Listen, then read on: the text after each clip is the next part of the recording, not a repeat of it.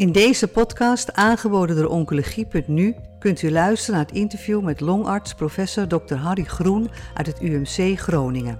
Aan bod komen de resultaten van de interimanalyse van de Caspian Trial, de klinische betekenis van deze resultaten en die van de Empower 133-studie voor patiënten met kleincellig longkanker.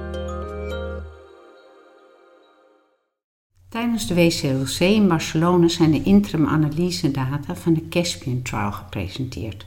Kunt u de achtergrond van de studie toelichten?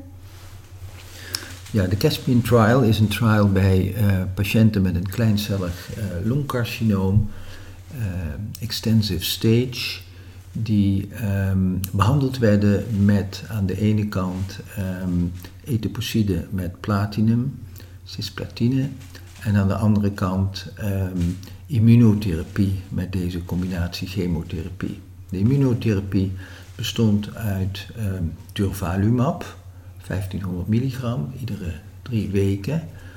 Of uit durvalumab 1500 milligram samen met tremelimumab 75 milligram iedere drie weken uh, in, in, in de combinatie controlearm bestond uiteraard alleen uit etoposide met platinum.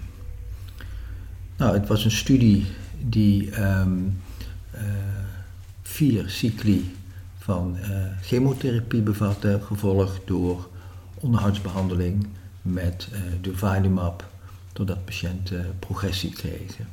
In totaal kregen de patiënten in de chemotherapiearm zes cycli eh, samen met eh, profilactische hersenbestraling. Um, het was meestal de keuze van de onderzoeker zelf om uit te maken of ze cisplatine of carboplatine uh, gebruikten. Maar het was wel een stratificatiefactor bij randomisatie. Het eindpunt van de studie was overall survival. Nou ja, op 11 maart was de cut-off en als je dan kijkt, zijn er in totaal 268 patiënten in de uh, chemo met immunotherapiearm en 269 patiënten in de chemotherapiearm. Nou, de kenmerken van de patiënten waren goed gebalanceerd tussen beide armen. En eh, wat er uiteindelijk uitkwam was uh, dat de um, overall overleving uh, 13 maanden was versus 10,3 maanden in de uh, controlearm. Ja, dan uh, kun je dus zeggen dat eigenlijk het toevoegen van durvalumab duidelijk de overleving positief beïnvloedde. Er was een 27% reductie in het risico om dood te gaan. En dat was natuurlijk een, een mooi begin. Maar de studie voldoet helaas niet aan de Pasquil-criteria van de CIBOM. Dus ik zie niet snel in dat deze studie wordt gehonoreerd in Nederland. En in de IMPOWER 133-studie is die toevoeging van atezolizumab aan etoposide en carboplatine onderzocht in dezelfde patiëntenpopulatie.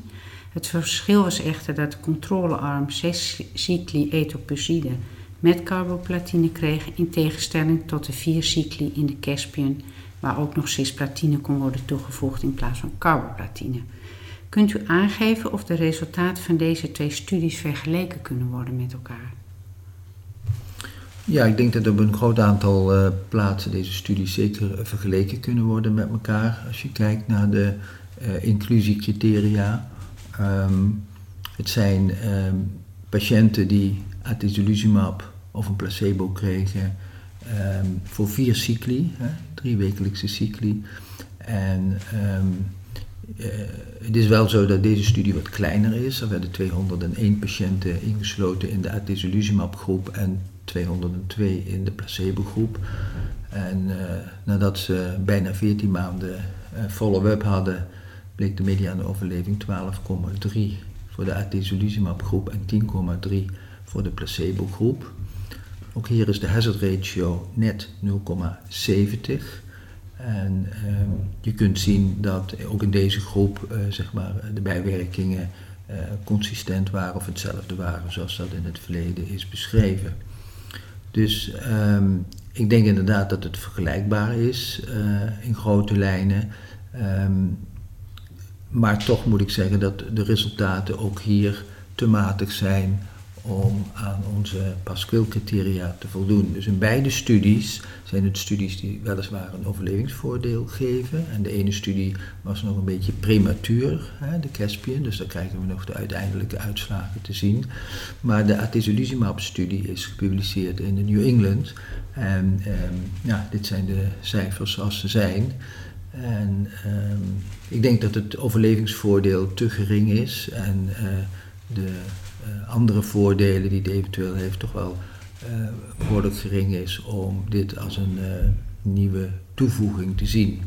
Aan de andere kant moet je je ook realiseren dat de behandeling van het kleincellig longcarcinoom ja, de afgelopen twintig jaar bijna niet veranderd is.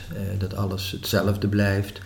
En ja, dat we natuurlijk wel uitkijken naar de kleine stapjes die verbeteringen geven voor deze patiëntengroep. Een ander probleem is altijd uh, uh, de inclusie van deze patiënten. Ehm, ze zijn vaak ziek als ze komen naar het ziekenhuis. Je moet snel handelen. Je kunt niet te lang wachten met allerlei studieprocedures bij deze patiënten. Dus het is ook nog eens een moeilijke uh, patiëntengroep om te bestuderen. Ehm, dus ja. Bent u geïnteresseerd in meer podcasts? Deze zijn te vinden op de website oncologie.nu.